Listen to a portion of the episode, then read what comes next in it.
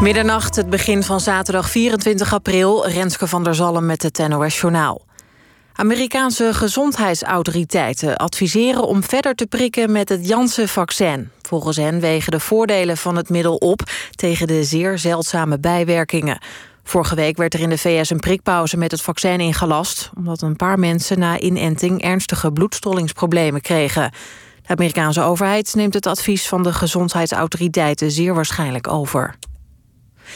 De Amerikaanse president Biden komt naar Europa. Op 11 juni gaat hij eerst naar een G7-top in Engeland en naar Brussel... voor een ontmoeting met de leiders van de Europese Unie. Een dag later heeft Biden een topontmoeting met de leiders van de NAVO-landen... onder wie de Turkse president Erdogan. Het is de eerste buitenlandse reis van de Amerikaanse president... sinds zijn aantreden in januari. Wetenschappers van de Universiteit in Oxford hebben een mogelijk malaria-vaccin ontwikkeld dat voor bijna 80% effectief is. Dat zeggen ze in een studie die nog niet beoordeeld is door andere onderzoekers. Aan het onderzoek deden ruim 400 jonge kinderen uit Burkina Faso mee. Twee groepen kregen het vaccin, de derde kreeg iets anders. Bij de groep met de hoogste dosis bleek het vaccin voor 77% effectief. De onderzoekers beginnen nu aan de laatste fase die nodig is voordat het vaccin de markt op kan. Nederlandse Tweede Kamerleden die dachten dat ze deze week via Zoom spraken met een medewerker van de Russische oppositieleider Navalny zijn bedrogen. De man die ze spraken was een imitatie van de stafchef van de Russische oppositieleider Volkov, bevestigt de Tweede Kamer na een artikel in de Volkskrant. De Kamerleden zijn verontwaardigd over het bedrog. Ze willen nu alsnog een gesprek met de echte Volkov. Het is niet duidelijk wie er achter het bedrog zit. Het weer, vannacht opklaringen en kans op mist en lichte vorst. Morgen zon en wolkenvelden, een frisse noordenwind. Het wordt zo'n 13 graden. Dit was het NOS Journaal. NPO Radio 1. VPRO. Nooit meer slapen.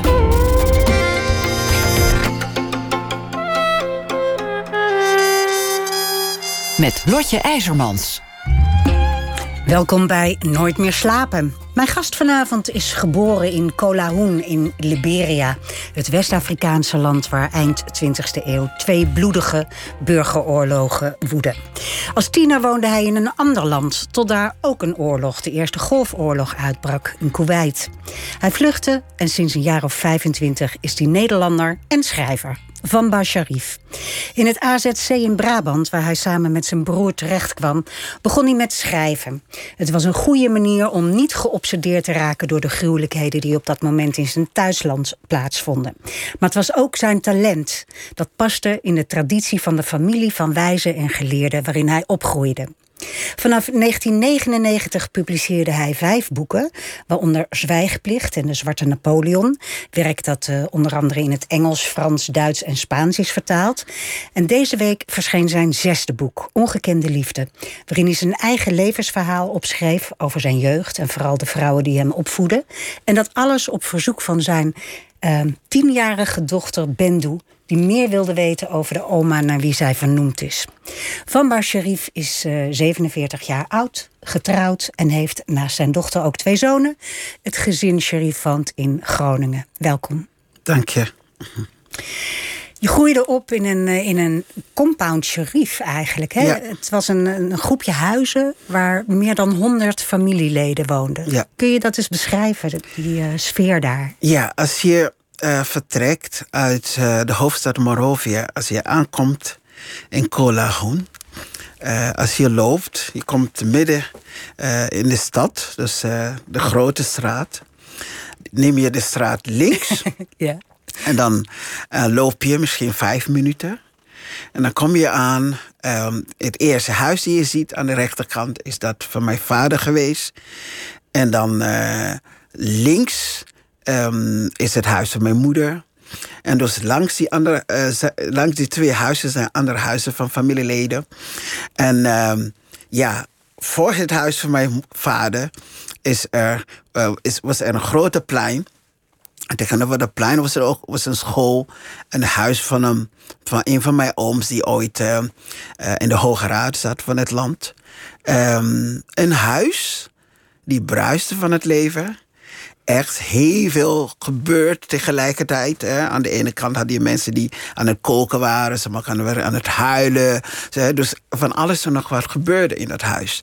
Of in dat grote compound. En zo groot was dat compound dat uh, als je hier aankomt en je vraagt je, zegt niet sheriff compound, maar sheriff quarter. Dus een kwartier is het. Dus een wijk is eigenlijk. ja. Dus um, ja, daar, is, daar ben ik dus opgegroeid. En te midden van bruisende leven en gezinsleden die verschillende talen spraken. Uh, omdat ze van, ja, uit verschillende landen, de buurlanden Sierra Leone en Guinea, hadden wij familieleden uit die landen. Waardoor ik dus opgroeide met die verschillende talen. Ja, en, en, eh, ja, en je eigen taal was? Uh, Mande, of Mandingo. Dus uh, misschien uh, in de zwarte Amerikaanse literatuur heb je dus de gevreesde Mandingo. Dus dat is dan dat volk die door die slaafhandelaar gevreesd werden. omdat ze waren gewoon echt heel trots, heel de arrogant. De slavenhandelaar was bang voor de Mandingo? Ja, voor de Mandingo, ja, ja, ja. Dus dat, ze waren heel heel arrogant, recalcitrant, heel um, koppig, hè, heel strijdlustig. En dat ben jij dus ook? Ja, ja, ben ik. Ja, een beetje. Ik ben een nagelbeleng, dus. Daar komen we misschien straks nog over te praten. Het is wel goed dat je het even hebt over uh, de tot slaaf gemaakte. Want wat ik helemaal niet wist in mijn onnozelheid... maar dat heb ik deze week geleerd... Ja. is dat Liberia uh, uh, cadeau gegeven is eigenlijk aan vrijgemaakte ja. tot slaafgemaakte. Ja, dus uh, Amerikaanse uh, Afrikanen die terug mochten naar Afrika. En daar werd gezegd, neem Liberia maar. En uh, de mensen die in Liberia woonden, die dachten natuurlijk... ho even, dit is niet de bedoeling. Nee. En dat is eigenlijk de oorsprong van alle problemen. Maar daarover straks meer. um, de, je, je vader is heel vroeg overleden, op je vijfde. En je bent eigenlijk opgevoed door je moeder en je oma. Maar vooral door je oma. Ja. Waarom? Waarom, wat, wat deed je moeder waardoor ze jou niet uh, kon opvoeden? Ja, mijn moeder was een zakenvrouw. En um, voor degene die in Nederland misschien, als ik zeg, of een, zakenvrouw, dan heb, denken ze aan iemand die dan op kantoor zit en dan uh, telefoon beantwoordt en dergelijke, de uren maakt. Nee, een Afrikaanse zakenvrouw is iemand die uh, verschillende zaken heeft. Mijn moeder had.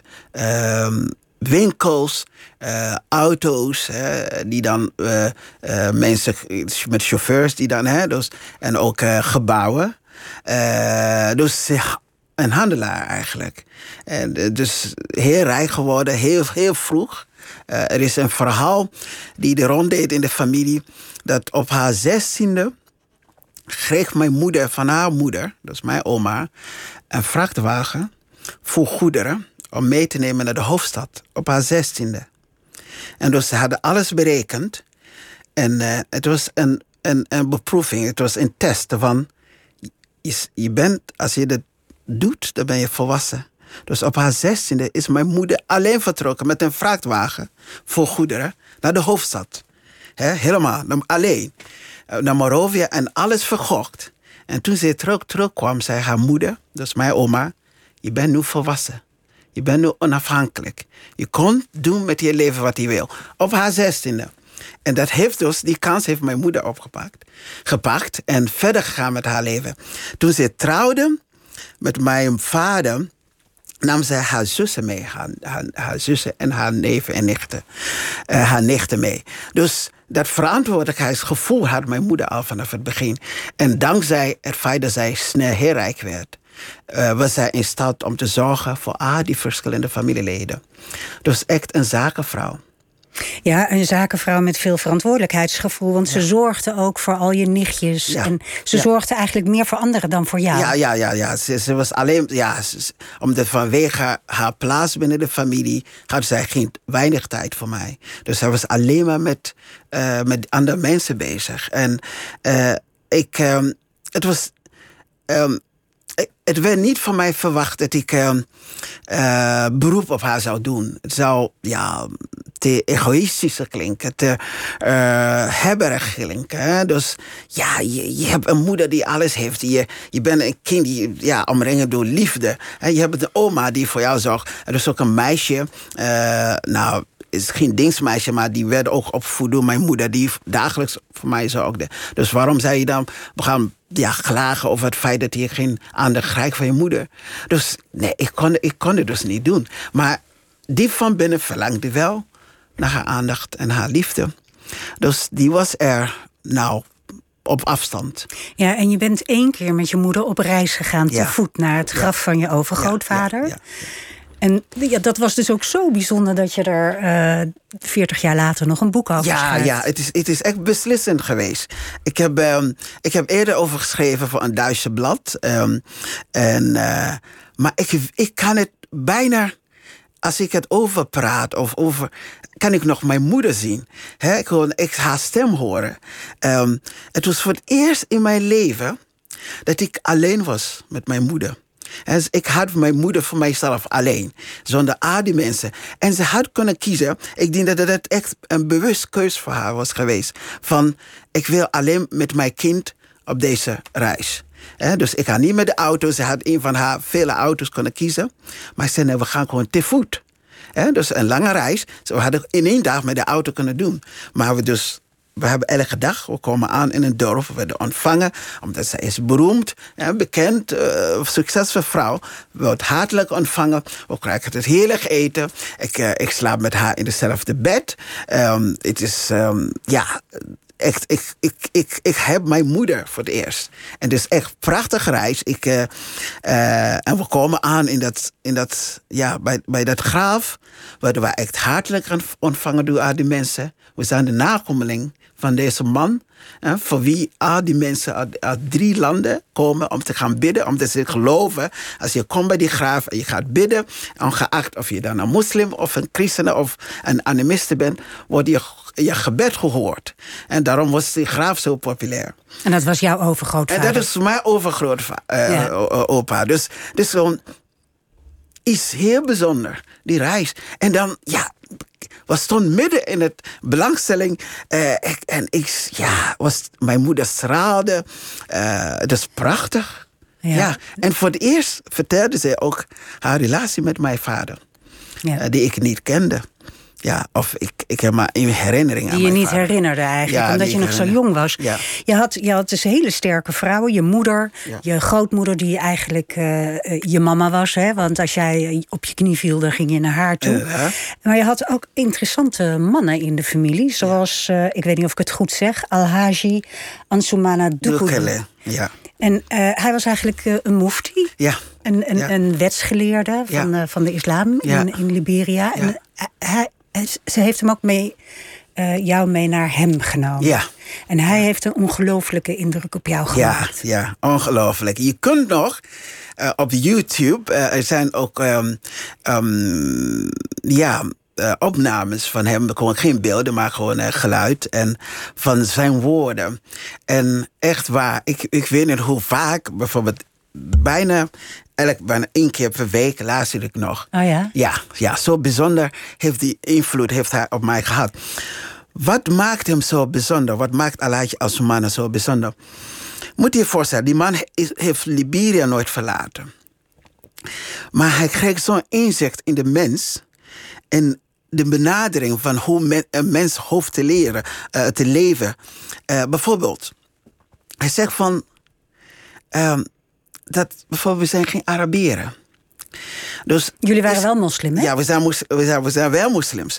Hij zegt nou, ehm, en geloof, eh, die, die, die, die, de strekking of het doel van het geloof moet zijn mensen bij elkaar te brengen. Dus eh, als een geloof ehm, gewoon verscheidenheid, oneenigheid brengt tussen de mensen, dan is dat geen geloof meer. Of het nou islam is of christendom. Dat is dus wat hij zei. Gewoon. En als kind, ik zei, wat heeft hij nou over? Dus omdat ik heb daar, je leest boeken over de, ja, de kruistochten, over eh, oorlogen die, die in de naam van het geloof zijn gevoerd. Dan krijg je hoorde je van een man die zegt dat het allemaal niet kan. En dat, dat, dat- dan hebben de mensen niet over het geloof. Ja, en het is een man met een enorme autoriteit. Is Precies, hij is de mufti van het land. Hè? Dus ik, ik, en, en het feit dat, ik, dat hij mij zag, hij benadert mij. Hij behandelt me als, alsof ik een volwassen was. Hoe oud was je toen? Eh, elf? Elf. Ja? En, en echt, en echt, hij, hij noemde mij gewoon of ja, Haidara, dat is dus volgens de overleveringen, dus we zijn de nakomelingen van de profeet. Hè, dus, dus hij noemt mij altijd met Haidara of die, ehm, die titel van mijn opa, dus Kamotoma. Dus echt op een hele uh, eerbiedig, respectvol manier. En uh, dus ik was zo onder de indruk van deze man en wat hij zei. Hè? Dus bijvoorbeeld zei hij van. Um, er zijn, er zijn mensen die binnen de islam die gaan zeggen van... oh ja, uh, hij is geen goede moslim. En hij zegt, maar hoe kon je dat bepalen? Je weet niet uh, de verhouding tussen iemand... Hè, dus, de, de, van iemand tot God. Dat kon je niet bepalen, dat kon je niet zien. Hè, zijn verhouding tot God kon je niet bepalen... van alleen maar als je hem ziet of zijn handelingen. Nee, je weet het dus. Je moet je moet niet oordeel vellen over ja. iemand. Dus hij was eigenlijk heel erg uh, liberaal daarin. Heel erg liberaal. Maar jouw familie was ook apart, want uh, jullie waren uh, moslim. Ja. Maar de zus van je oma had een eigen kerk, ja. een christelijke kerk. Ze was in Amerika dominee geworden. En zowel de christelijke kant als de islamitische kant was er ook van overtuigd dat ze joods waren. Ja. Ja, dat is dus, um, er is een tak van de familie, van mijn familie aan de kant. Ja, aan de kant. Dat, zie, dat, dat, uh, dat, dat zie ik, uh, als kind zag ik dat rijkdom niet. Maar als volwassen begon ik pas te waarderen. Je hebt een, een tak van de familie, de Duklees. Dus dat is dan de, de, de, de mufti en de madame Dukle en, en mijn oma dus. Ze denken dat ze Joden zijn. En ze geloven het echt. En dus ik, ik weet het. Ja, een beetje in gewoon handelingen zie je niet op een dagelijks uh, basis. Maar ze zijn overtuigd Joden. Of ze denken echt dat ze afstammeling zijn van Jacob. En zo spreken ze elkaar gewoon aan van uh, Jacob, Jacob. Dus als iemand bijvoorbeeld de mufti iets moois zegt... of, of uh, iets wijze woorden zegt... dan zeggen ze om hem lof te zingen zeggen ze niet Alaatje Asman, zeg, zeggen ze Jacob. Jacob. Maar het was dus heel weinig rigide en heel erg uh, humaan eigenlijk, ja. het milieu waarin jij opgroeide. Ja, ja. Die uh, ontmoeting met je, met je oom de Mufti, die maakte in jou als klein jongetje wat los. En jij dacht, ik wil ook kennis vergaren. Ja. En dat is eigenlijk een fataal, fatale beslissing ja, geweest. Ja, ik wilde zijn zoals mijn, oma, uh, mijn oom, mijn oude oom. Uh, ik wilde zijn voorbeeld volgen. Ik heb mijn vader niet meegemaakt, maar ik had iemand meegemaakt die ja, net zo belangrijk was als mijn vader. Dus ik dacht, nou ja, hoe kom ik aan de boeken? Om, om uh, een geleerde te, te, te, te, te worden, moet je heel veel lezen. En al die boeken in mijn omgeving waarin of ja, boeken voor kinderen. Ja. Uh, en de boeken van mijn broers, sommige waren in het Engels, uh, Grieks mythologie en dergelijke, en uh, Amerikaanse Indianen. ja, dat had ik allemaal gelezen. Maar ja, zoals ik in het boek had geschreven, het was ja, oefening in het ontwijken van de, van de werkelijkheid, omdat thuis bij ons was een hele grote kamer. En die kamer stond op slot. En die kamer stond vol met boeken. Kisten vol met boeken. Uh, maar ik had geen niet... gewone boeken, toch? Nee, geen, ze waren met manuscripten. Handgeschreven manuscripten. Eeuwenoude manuscripten. Net als de manuscripten van Timbuktu. Ik heb het overgeschreven ooit. Mm -hmm. Dus die boeken um, waren in de familie A eeuwen. Uh, maar na de dood van mijn vader hadden de familieleden die, die deur van, die, van, van, uh, van de manuscript, de manuscript gewoon op slot gedaan. Ja, niemand, niemand mocht daarin. Niemand mocht daarin. En ik zag ook niemand. Aan mijn broers of mijn, mijn ooms. Ik zag niemand daar. Of, en waarom praat... mocht niemand erin? Want dat, dat was, je moest een bepaald niveau hebben van wijsheid ja, om dat ze, te kunnen bepaald, begrijpen? Ja, ze geloven um, binnen, binnen de islam is er dat je pas volwassen, echt volwassen wordt, geestelijk volwassen als je 40 bent. Oh. Ja, ja, okay. ja. Omdat volgens de overleveringen is de profeet pas uh, de op, openbaring gekregen toen hij op zijn, 40, uh, op zijn 40ste. Ja. Dus geestelijk ben je pas volwassen op je 40ste. Dus sommige boeken mochten niet gelezen worden, zelfs door volwassenen. Nou, maar ik wilde weten wat er in de boeken uh, ja, stonden. Ik, wil, ik, ik, ik moest ze lezen. Ik werd, het werd een obsessie voor mij. En ik kon dat alleen doen, nou ja, door misschien in te breken. In die kamer in, te breken? ja. Hoe deed je dat? Ja, um, ik, uh, ik deelde, uh, dus, ja, dus, ja ik, ik sliep in dezelfde kamer als mijn oma, dezelfde bed eigenlijk. En um, we hadden koffers in dat, in, in dat kamer. Dus, um, Opgestapeld. Ja, stapels, ja. ja. En dan had je een plafond. En het plafond in, uh, uh, in het huis was echt van dunne materialen. Dus katoen. Dus ik uh, ging dus ja, even op, opschuiven opzij. En dan ging ik dan ja, de, die, de koffers, de stapelkoffer als, als een soort ladder gebruiken. Dan ging helemaal omhoog. En daar, tussen die, plafond en, en het dak... Dus was een gat, was een ruimte waar dingen werden bewaard. Gewoon, dus daar heb ik dus... Um, een soort vliering. Ja, precies. En daar kroop jij in? Ja. Via in het donker. Koffers? Ja. Hè? Via die koffers kroop je tussen die tussen ja, de plat, ja, ja, en dan liet je eruit. Ja, ja. dus ik ging, ik ging dus gewoon uh, boven. En dan ging dat gewoon van onze kamer, echt aan de andere kant van het huis, helemaal naar de, naar de kamer met die manuscripten. En dan ging je daar zitten lezen? Ja, ik ging dus dat, dat weer dat plafond door, uh, doorboren. En ik ging daar. dus ik ging de boeken lezen. En voor het eerst, wat mijn broers en zussen en tantes en ooms niet zagen, zag ik bijvoorbeeld de reis van mijn opa naar Kanka en daar vandaan naar Timbuktu. He? Dus ik kwam ik, kwam ik informatie tegen waar, waar, dat, dat niemand in de familie wist.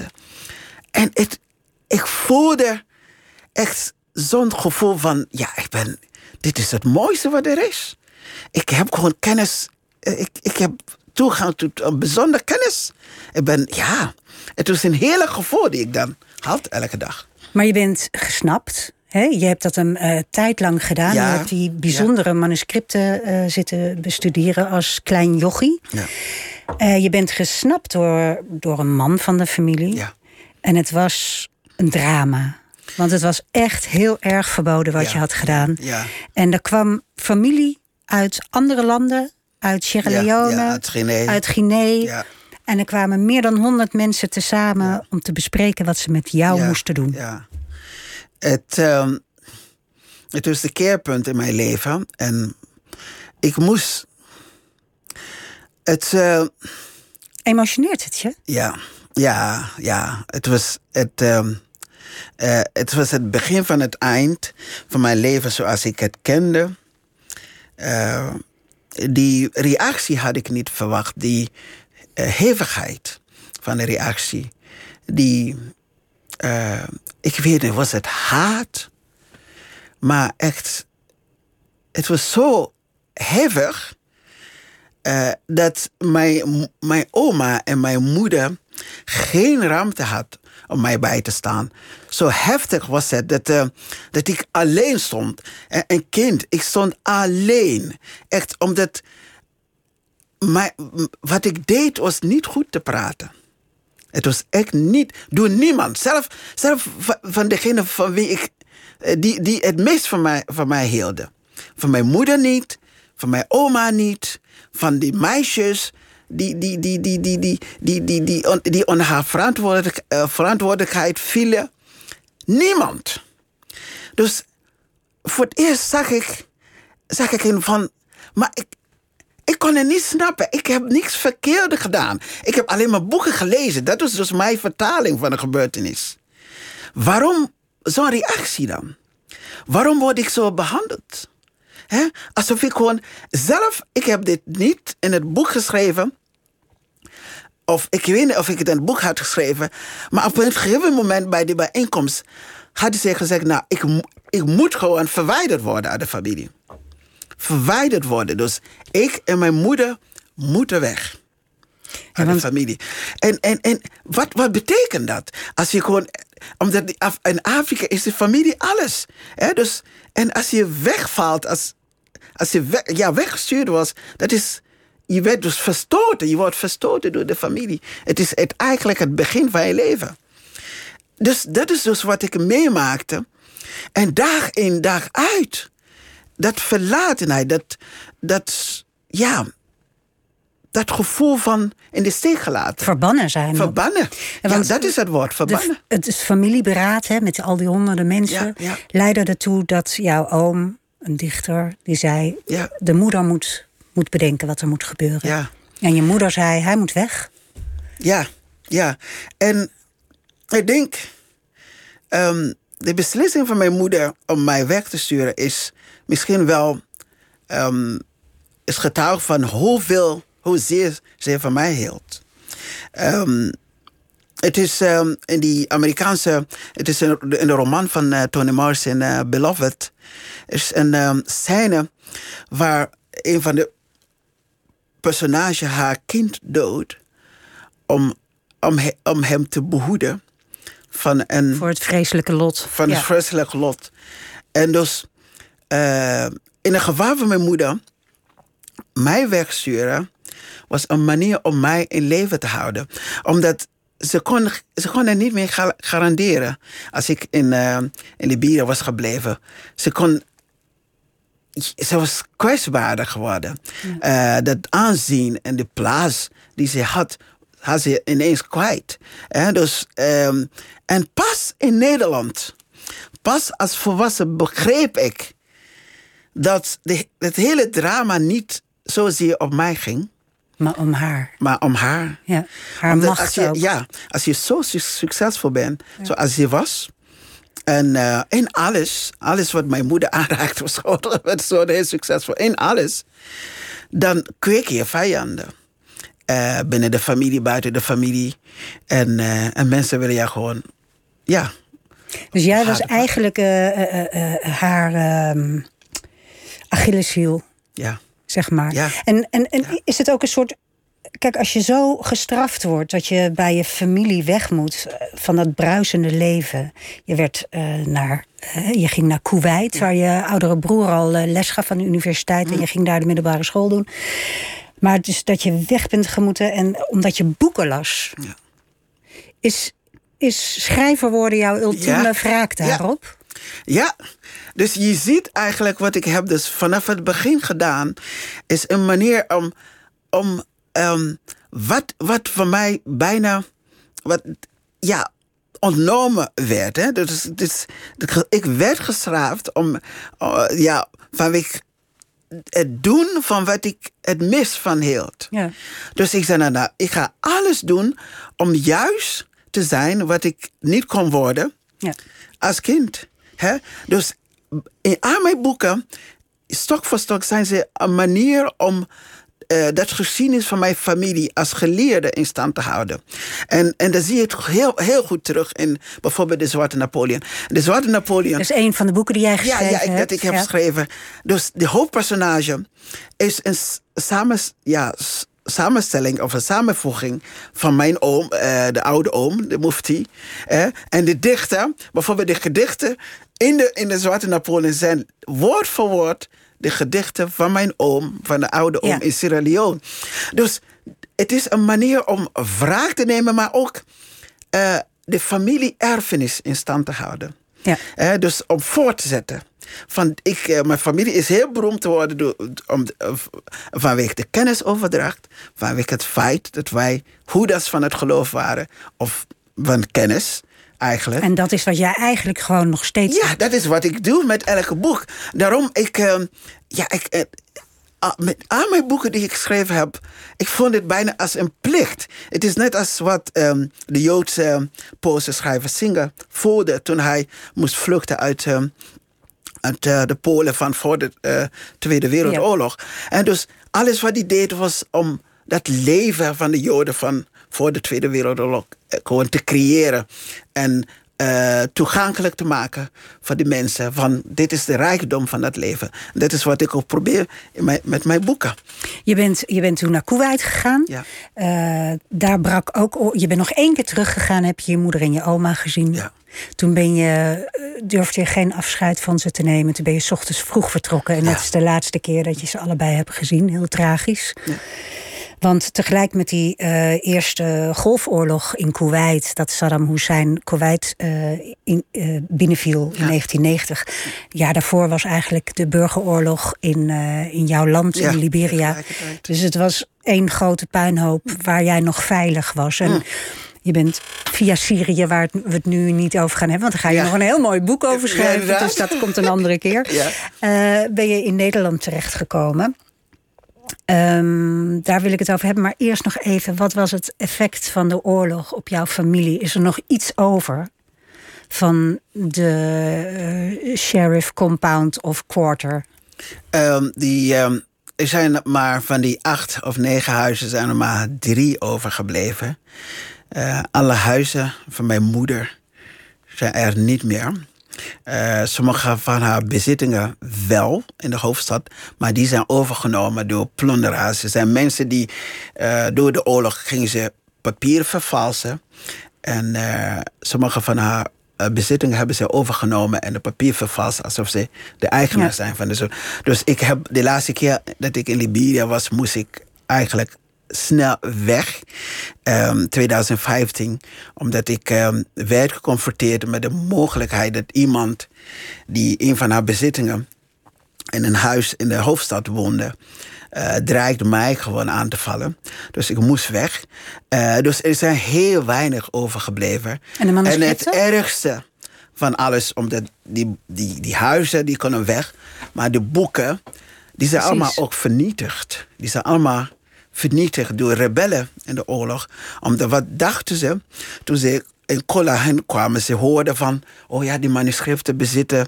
En de manuscripten zitten er formule waarmee je kon, verdwijnen. Dus die, die, dat eh, andere rebellengroep gebruiken.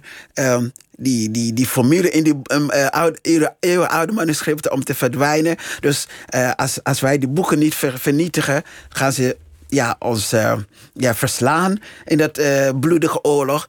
Dus ja. Ze dachten dat er een soort toverformules in Precies, stonden. ja, ja, ja, ja. Omdat dat is dus wat veel mensen, eh, van aantal familieleden ook dachten van de manuscripten. Daarom ook eh, was het de verontwaardiging dat ik het Ja. ging lezen of zoiets. Dus omdat eh, dan beschik ik over die formule en dan word ik slimmer. Net, als, of net zo slim als mijn vader en mijn, voor, mijn voorouders. Dus die zijn allemaal vernietigd. Dus dat is eigenlijk het grootste verlies. Omdat toen mijn oude oom, de dichter in Sierra Leone, te horen kreeg. Dat de manuscripten waar dat dat het, ja, dat het leven eh, en die, de beschaving en de geschiedenis van de familie eh, bevat. Dat het allemaal in, in rook was gegaan en allemaal vernietigd was, waren. Hij is gewoon echt, hij, hij, hij, hij kreeg een hartinfarct. Hij is gewoon overleden. Als echt. Dus om de, die boeken, mensen hebben gewoon echt, die, omdat we zijn geëmigreerd door de eeuwen heen. Ze hebben die manuscripten met echt geoefend en sterke handen. Hè, met veel liefde opgetekend.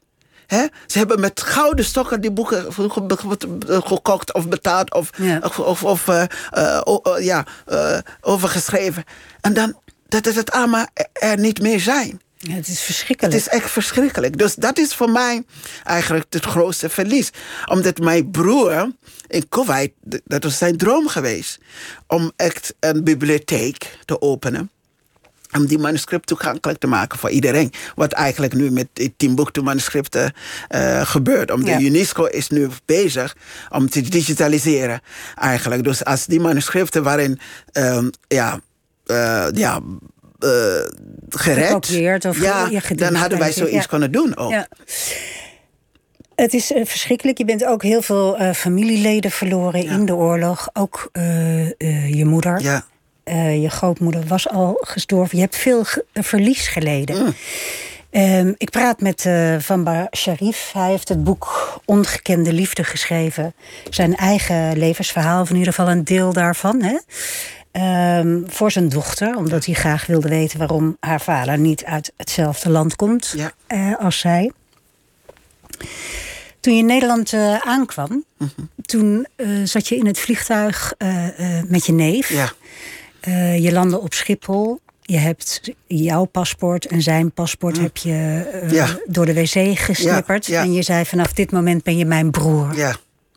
Ja, Ik vond het heel mooi. En ik las in, in heel veel oudere interviews Mhm. eh, met jou... Dat, ehm, dat je met je vader naar Kuwait was gegaan. Ja, ja. Terwijl ik dus weer had gelezen dat ja, je vader... ja, Op... ja, precies. En het lijkt alsof... eh, en ik, ik weet niet hoe dat zit. Of, of bij jou de, de, of dat Afrikaans is of niet. Of, of de, de, werk, de, de, de feiten wat meer vloeiend zijn, Mm. zou ik maar zeggen. Wat, wat kneedbaarder dan, Mhm, Ja, ja, dan ja, in Nederland. ja, ja, en en eh, toen de redacteur jou belde voor een voorgesprek... toen vroeg ze heel tijd... Ja, maar hoe oud was je toen? Ja, Mhm. Ja. zei je, geen idee, daar zijn we nee, helemaal ik, niet mee eh, bezig. Nee, nee, ik ben helemaal niet mee bezig. En, en mijn broer, eh, toen hij uit eh, Egypte kwam, ehm, die ik mijn vader noem, en die ik in alle interviews gezegd Ja. eh, heb dat hij mijn vader was, was hij ook mijn vader in alle opzichten. Ehm, hij zei tegen mij dat die eerste ontmoeting, bij die eerste ontmoeting, ik was buiten aan het spelen toen ik hem zag van het is onze vader die overleden, eh, eh, overleden was. Of overleden is. Niet jouw vader. We zijn jouw vader geworden. Dus en dat vond ik zo mooi. En dus en, en vanaf dit, dat moment heeft hij alles gedaan om een vader te zijn voor mij. Dus ehm, ja, Ja, dat is zo grappig. Die, die eh, betekenis die jij er, eraan geeft... Ja. die is eh, emotioneel helemaal waar. ja. Precies. Eh, terwijl wij in Nederland heel gewend zijn om te denken... Van, kom ik van die moeder, kom ik van die Ja, vader... ja, nou, dan is dat mijn vader en anders niet. Nee, nee, nee, nee, nee. Maar dat is dus wat mooi is aan, aan dat cultuur. Hè? Dus omdat voor, voor iemand, hij- we, kwamen niet eens van dezelfde moeder. Hè? Dus, eh, maar hij heeft gewoon in alles in mij omgaan met hem.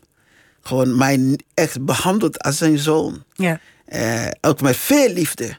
Echt nooit, eigenlijk het feit dat ik juist eh, heel klein was toen onze vader overleed, was hij bijna nooit boos op mij. Zoals hij met, met zijn eigen, eh, eh, op zijn eigen kinderen bo- boos werd. Nee. Dus ik stond zelf in, in, in verhouding met hem in een unieke positie. Dus hij is echt mijn vader. Dus Ja. en, en, en, en de neef met wie ik naar Nederland kwam, in zijn verhouding met mij was hij nog Echt jouw eh, eh, broer. echt mijn Ja. broer geworden. En, en, en, en, en ja, hij is echt mijn broer. Ik, ik noem hem nog steeds. Ik durf hem nooit mijn neef te noemen. Nee, ik- hij is echt gewoon mijn broer. Ja. Eh, in, in jouw boeken gaat het ook over die eh, andere manier van waarneming. Hè, in, in, eh, eh, eh, Ja. ehm, bijvoorbeeld in het boek wat ik ook gelezen heb, Zwijgplicht, Ja. een van je eerdere boeken. Ja. Daarin gaat het heel erg over de porro. Ja. Een, een genootschap. Ge- een genootschap. Geheim genootschap. En in weer een ander boek gaat het over de, de betrouwbaarheid of niet van de herinnering Ja. en de waarneming. Ja. Het, zijn, het zijn dingen die, die ook heel erg cultureel bepaald zijn, toch? Ja, ze, ze zijn wel, maar ehm, ze zijn ook een manier om eh, met de waarheid om te gaan. Precies. Ehm, ja, omdat je kunt kiezen om, ehm, zoals in Nederland, hè, we zijn geneigd om gewoon echt, ja, recht door recht. dus gewoon echt, gewoon zeggen, heel bot. Zo komen wij over. Veel, ja, mensen, migranten die hier naartoe komen, eh, ze zijn echt, ja, ja, ja geschrokken door de, onze botheid. hè. Was jij geschrokken door onze ja, botheid? Ja, ja, ja, heel erg geschrokken. Ja? Echt, ja, Wa- Wat was iets waarvan je schrok? Ja, ik bedoel, ja, gewoon, eh, ja, bijvoorbeeld de kind. eh, ja, bijvoorbeeld het woord plassen, bijvoorbeeld. Ja, het woord, ja, ik weet niet, ik durf niet eens te gebruiken. Maar ja, dus Zeg het nou, je bent al 25 jaar Nederlands. je kan het wel zeggen. Ja, bijvoorbeeld de poep eh, plassen en dergelijke. Maar in, in mijn cultuur, nee. Je zegt die dingen niet. Bijvoorbeeld, ik werd dus een van de momenten dat mijn moeder heel boos op mij werd. was toen ik over plas had, hè, als ik over mijn oma praat. Dus ik had. Nee, dit is je oma. Ze gaat naar de wc. Ze gaat niet plassen. Dus die soort dingen. Ja. En bijvoorbeeld, wij, we hebben de neiging bijvoorbeeld om, om in gedetailleerd over, over ziektes, over dood te praten. In mijn cultuur helemaal niet. Als iemand uh, in, in de Liberiaanse cultuur helemaal niet. Of de Afrikaanse cultuur helemaal niet. Als iemand overleden bijvoorbeeld. Als, je, als ik naar jou uh, kom met het bericht. Dan zeg je, Lotje. Dan begin ik met een anekdote over de overledene. Dan ga ik gewoon iets grappigs zeggen. Dan gaan we beginnen we te lachen eerst.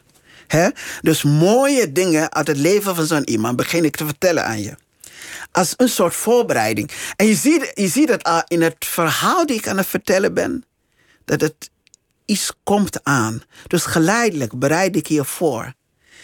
Dus in het geval van de dood van mijn moeder, wat heeft de familie dus besloten?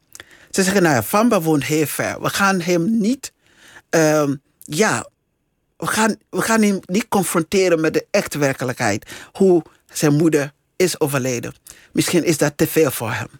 Dus het is een, ja, het is een soort genade. Hè? Dus het is een manier. Uit mededogen uit met mededogen, jou? precies.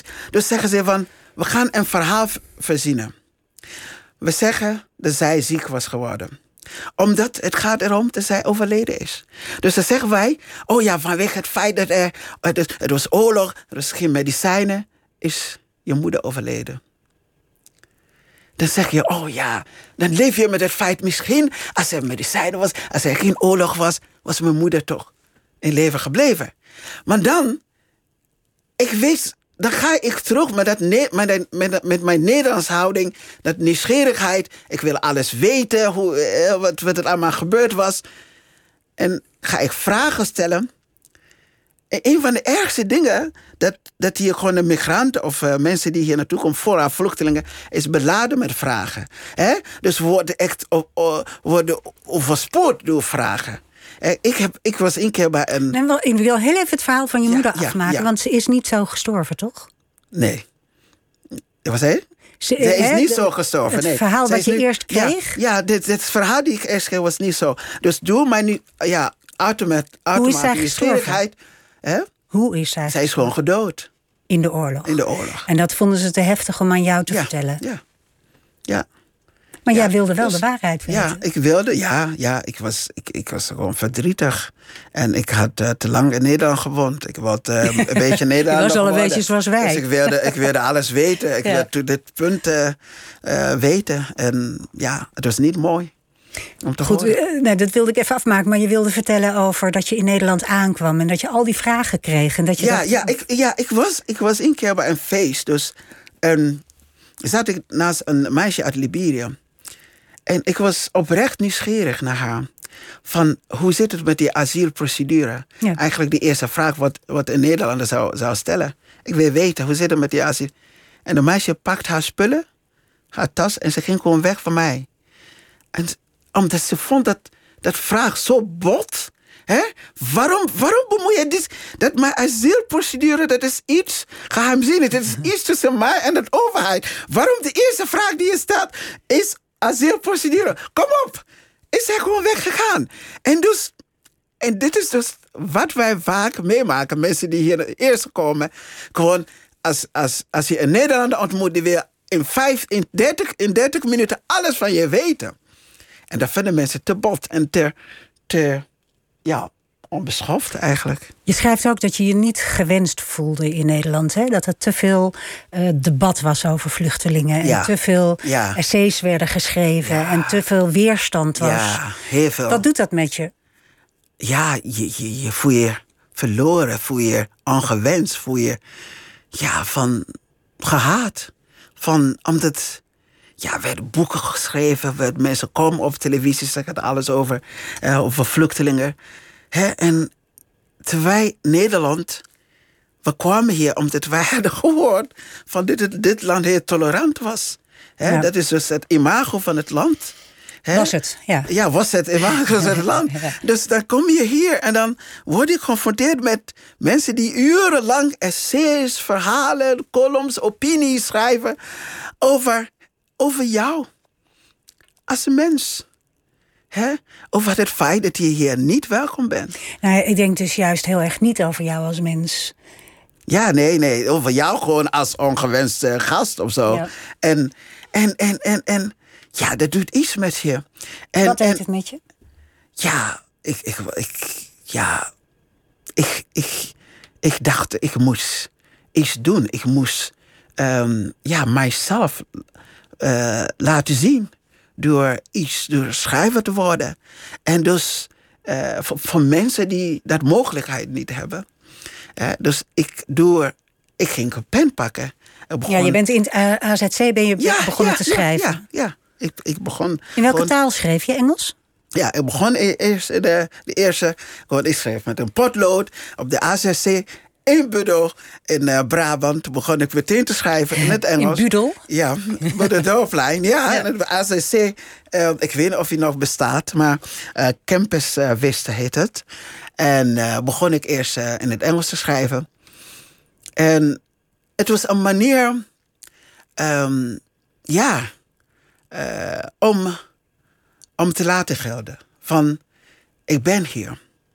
Eh, ik heb een geschiedenis. Ik kom voort uit is bijzonder eh, familie, bijzonder beschaving. Hè? En, eh, en dit is mijn geschiedenis. En ik wil dus niet alleen dit delen met Nederland, maar met de wereld. Hè? Dus ik doe ertoe. En dus dat, dat, dat is mijn antwoord geweest. Maar het erg is dat mijn broer dat mogelijkheid niet had. Nee. Dus dan draag je al die, die, die, de verwarring en de woede in je. Eh, eh, het woede dat je niet begrepen wordt. eh, de verwarring dat je gewoon, ja, dat je steeds weer op, op weerstand stuit. Hè? Dus je, ehm, ja, je krijgt geen gehoor. Eh, bijvoorbeeld, we zaten drie jaar lang. We dachten bij aankomst die eerste, we vertellen ons een verhaal. We krijgen verblijfsvergunning. En het feest gaat beginnen. meneer, dan Ja, begint het feest. Hè? Dus nee, en dan vertel je je verhaal. Dan, dan word, ik, word ik gevraagd van me. ehm, je moet al de rebellen in Liberia met name noemen. En we beginnen met Kastelen. Ja, nee, ik kon mijn verhaal moest je de rebellen moest je noemen? ja, ja, ja, ja. Je moet in namen van al die rebellengroepen. En eh, hoe- wanneer kwamen ze naar je stad? Eh, wie ze gingen vermoorden daar? En hoe je verhouding tot de rebellen. En wat maakte dat je gevlucht bent uit Libië? Moet je allemaal. Terwijl jij kwam uit Kuwait. Ja, precies. Ja. Dus, maar ja, je moet. dus het is, het is, het is gewoon. Het is, Ja, het de is- hele bureaucratie ja, en ja, het moet verantwoorden Ja, waarom je hier kwam. Ja, maar dat is wat ik, omdat ik, ik werd dus een keer eh, benoemd als ambassadeur van vluchtelingenwerk eh, eh, Noorden-Nederland. Dus ik heb. mijn advies was steeds weer als ik ging met vluchtelingen praten of met de werkers die omgingen met de van leren luisteren naar de ander en naar de vluchteling. Omdat door te luisteren ehm kweek je vertrouwen. En als ik jou vertrouw, Lotje, dan ben ik geneigd om alles aan jou te vertellen. En dus, omdat we liggen veel nadruk op de plichten, op de plichten. Hè? Oh, met die taal en dergelijke. Maar die mensen hebben oceanen over, eh, eh, oversteken. Ze, zijn, ze zijn in staat om alles te doen. Integratie is niet moeilijk. Maar nee, helemaal niet. Dus het is eerst gewoon dat vertrouwen krijgen en winnen. En dan zijn die vluchtelingen in staat om wonderen te verrichten. Ik ben een voorbeeld van. Hè? Dus ik, heb, ik had het geluk om eh, Jacques en Trace... twee echt, die, die man die echt de belichaming was van mijn vader... die echt mijn vader had moeten Ja, zijn. Jacques en Trace, dat waren twee mensen uit Brabant... Ja, ja, die jullie eh, een soort van adopteerden, ook al waren die, jullie al die ons volwassen. echt adopteerden.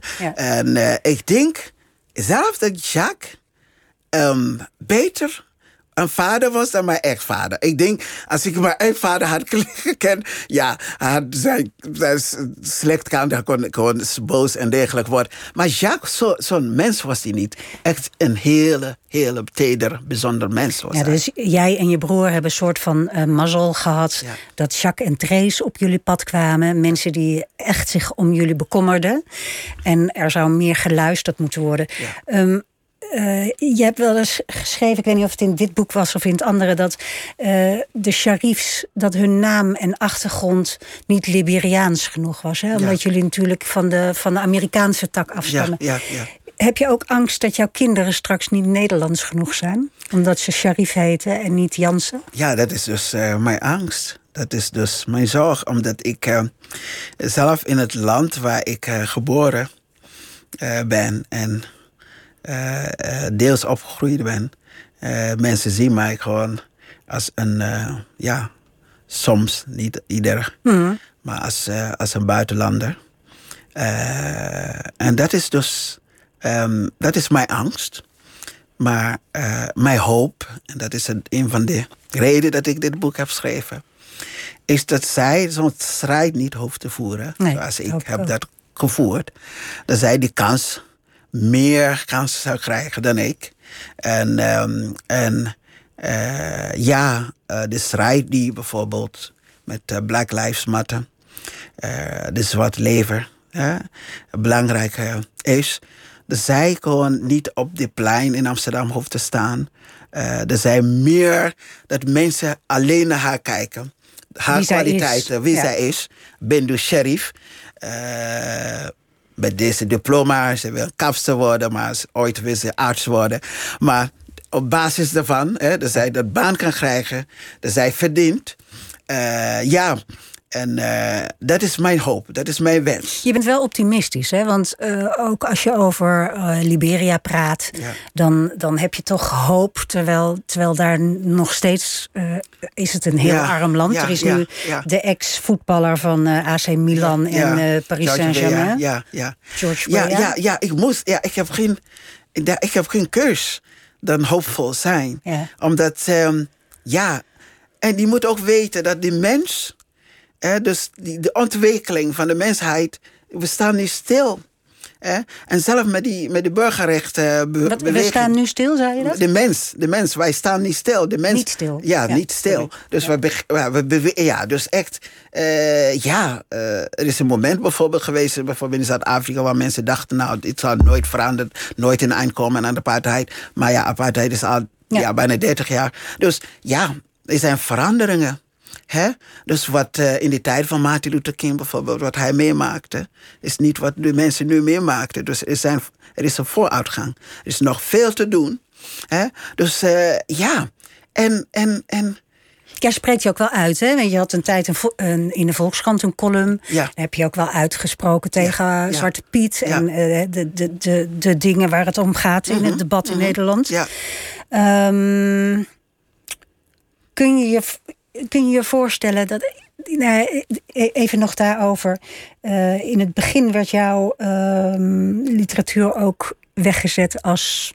Uh, asielzoekersliteratuur of migrantenliteratuur? Ja. Wat, wat vind je daarvan? Ja. Het is ja. ontzettend nee. raar dat je in zo'n hokje wordt gestopt. Ja, ja, ja. ja het, uh, het verbaast mij de onwetendheid onder uh, sommige zogenaamde recensenten over. Um, ik zou echt heel Afrika. beledigd zijn als ik een ja, boek het is een belediging. Het is, ja, ik voelde mij ook beledigd. En, um, uh, maar um, Toni Morrison zei dat racisme is een afleiding.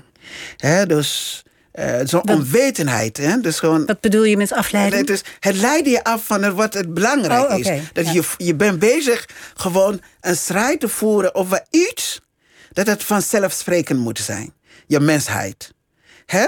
Dus, en het feit dat iemand zo'n Um, wat ik schrijf, migrantliteratuur. Dus het getuigen van de onwetendheid van zo'n iemand. Hè? Dus dit is echt van, van, van ja, de, ja ik word, je wordt gewoon boos van zoiets. Je hebt ook maar, een, Ja, sorry, ga nog Ja, even door. maar, maar aan, aan de ene kant, ja, soms kon je, sommige van hun domheid kon je gewoon niet, niet verhelpen. Je, je kon gewoon blijven doen wat je doet. Eh, door boeken te schrijven, eh, door te blijven, blijven zijn wat je bent. Dat is wat Boris Pasnak, eh, zijn, eh, de Russische schrijver, zijn vader tegen hem zei. Wees eerlijk in wat je doet. Hè? En je vijanden uh, jou nooit, nooit, nooit verslaan. En dus dit is wat ik probeer te doen. En, uh, en de hele literatuur van, van, van Afrika na, uh, na de onafhankelijkheid, veel van die landen, is ontstaan als reactie op zo'n domheid en wetenheid.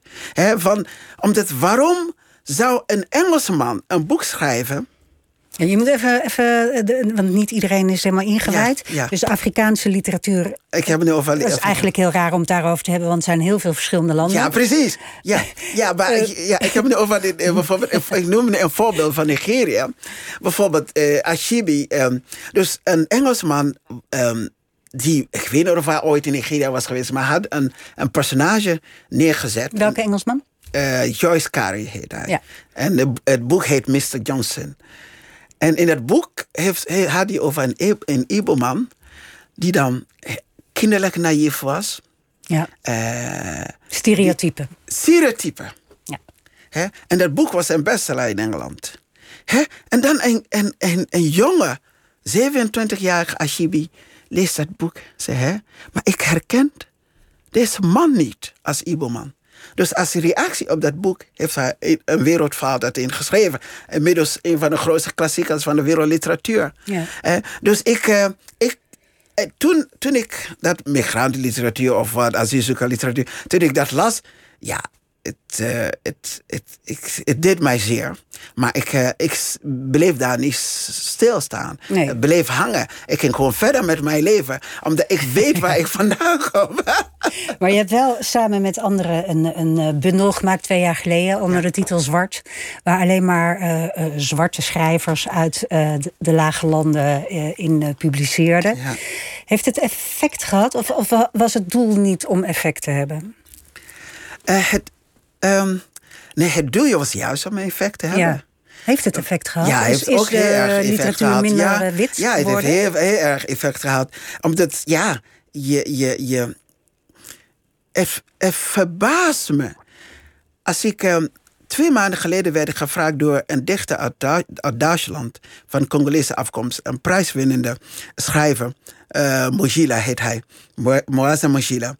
Van Vamba, ik wil jou vragen om op zoek te zijn naar zwarte dichters in Nederland. Lotje, ik ging maar één dag werk. Ik heb zoveel namen ontdekt. Ik wist wat het rijkdom. Maar niemand kent die mensen. Terwijl ze gewoon vaker zijn hoogopgeleide mensen, heel succesvol in hun, in hun vakken. Maar ze krijgen de middelen niet. Ze worden niet gehoord. Nou ja, dat was natuurlijk het hele Marieke Lucas Reineveld Ja, ja, uh, Amanda ja. Gorman uh, Ja, ja, ik heb, ik, ja, precies. Ik, heb, ik, heb, ik, ik, ik ken Ma- Marieke. Ik, ik, ze is een hele... Zij is geweldig, daar Nee, gaat het niet om. Daar gaat het helemaal niet om. Nee. Maar, maar gewoon, dit is een uitgelezen kans geweest... om eh, gewoon een van de onbekende dichters... die kans te geven om zo'n zo vertalen. Omdat dat, dat zou gewoon meer succes geven aan zo'n iemand. Vind je dan dat er eh, tijdelijk eh, positief gediscrimineerd moet worden? Zeg maar, tijdelijk schuif je eh, mensen naar voren van kleur... en dan daarna is het een beetje... Nee, nee, dit is, ja, misschien het hele systeem moet veranderen. Misschien meer kansen gecreëerd moeten worden. Meer mogelijkheden. Dus iemand met een talent. En die talent moet die kansen krijgen om erkend te worden. En niet, niet, Precies, ja. niet, niet iemand met een andere naam of gaat kloppen aan de deur. En dan krijg je krijg die geen gehoor. En dus ja, ik weet niet van positieve discriminatie. Ik weet het niet, maar eh, die, mogelijkheden Ja. moet Je, je, je bent een hele eh, zachtaardige man. Ja.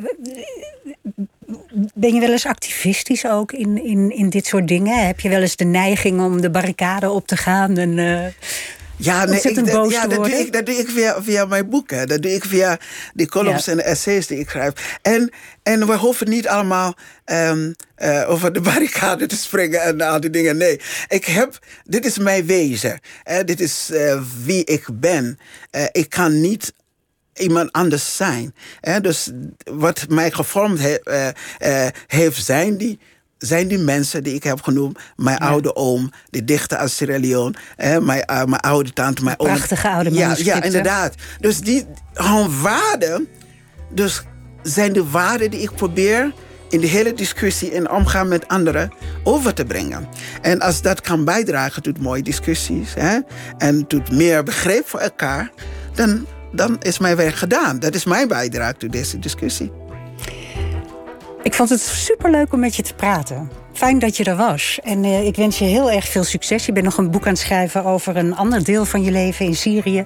Ik kijk er naar uit. Ongekende liefde heet dit werk. Dit was Nooit meer slapen. Je kan ons uh, als podcast terugluisteren. Maandag ontvangt Pieter van der Wielen schrijfster Rosita Steenbeek. Zo direct op deze zender Vink.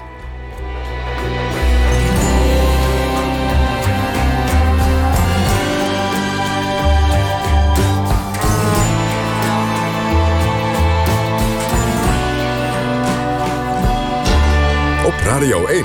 Het nieuws van alle kanten.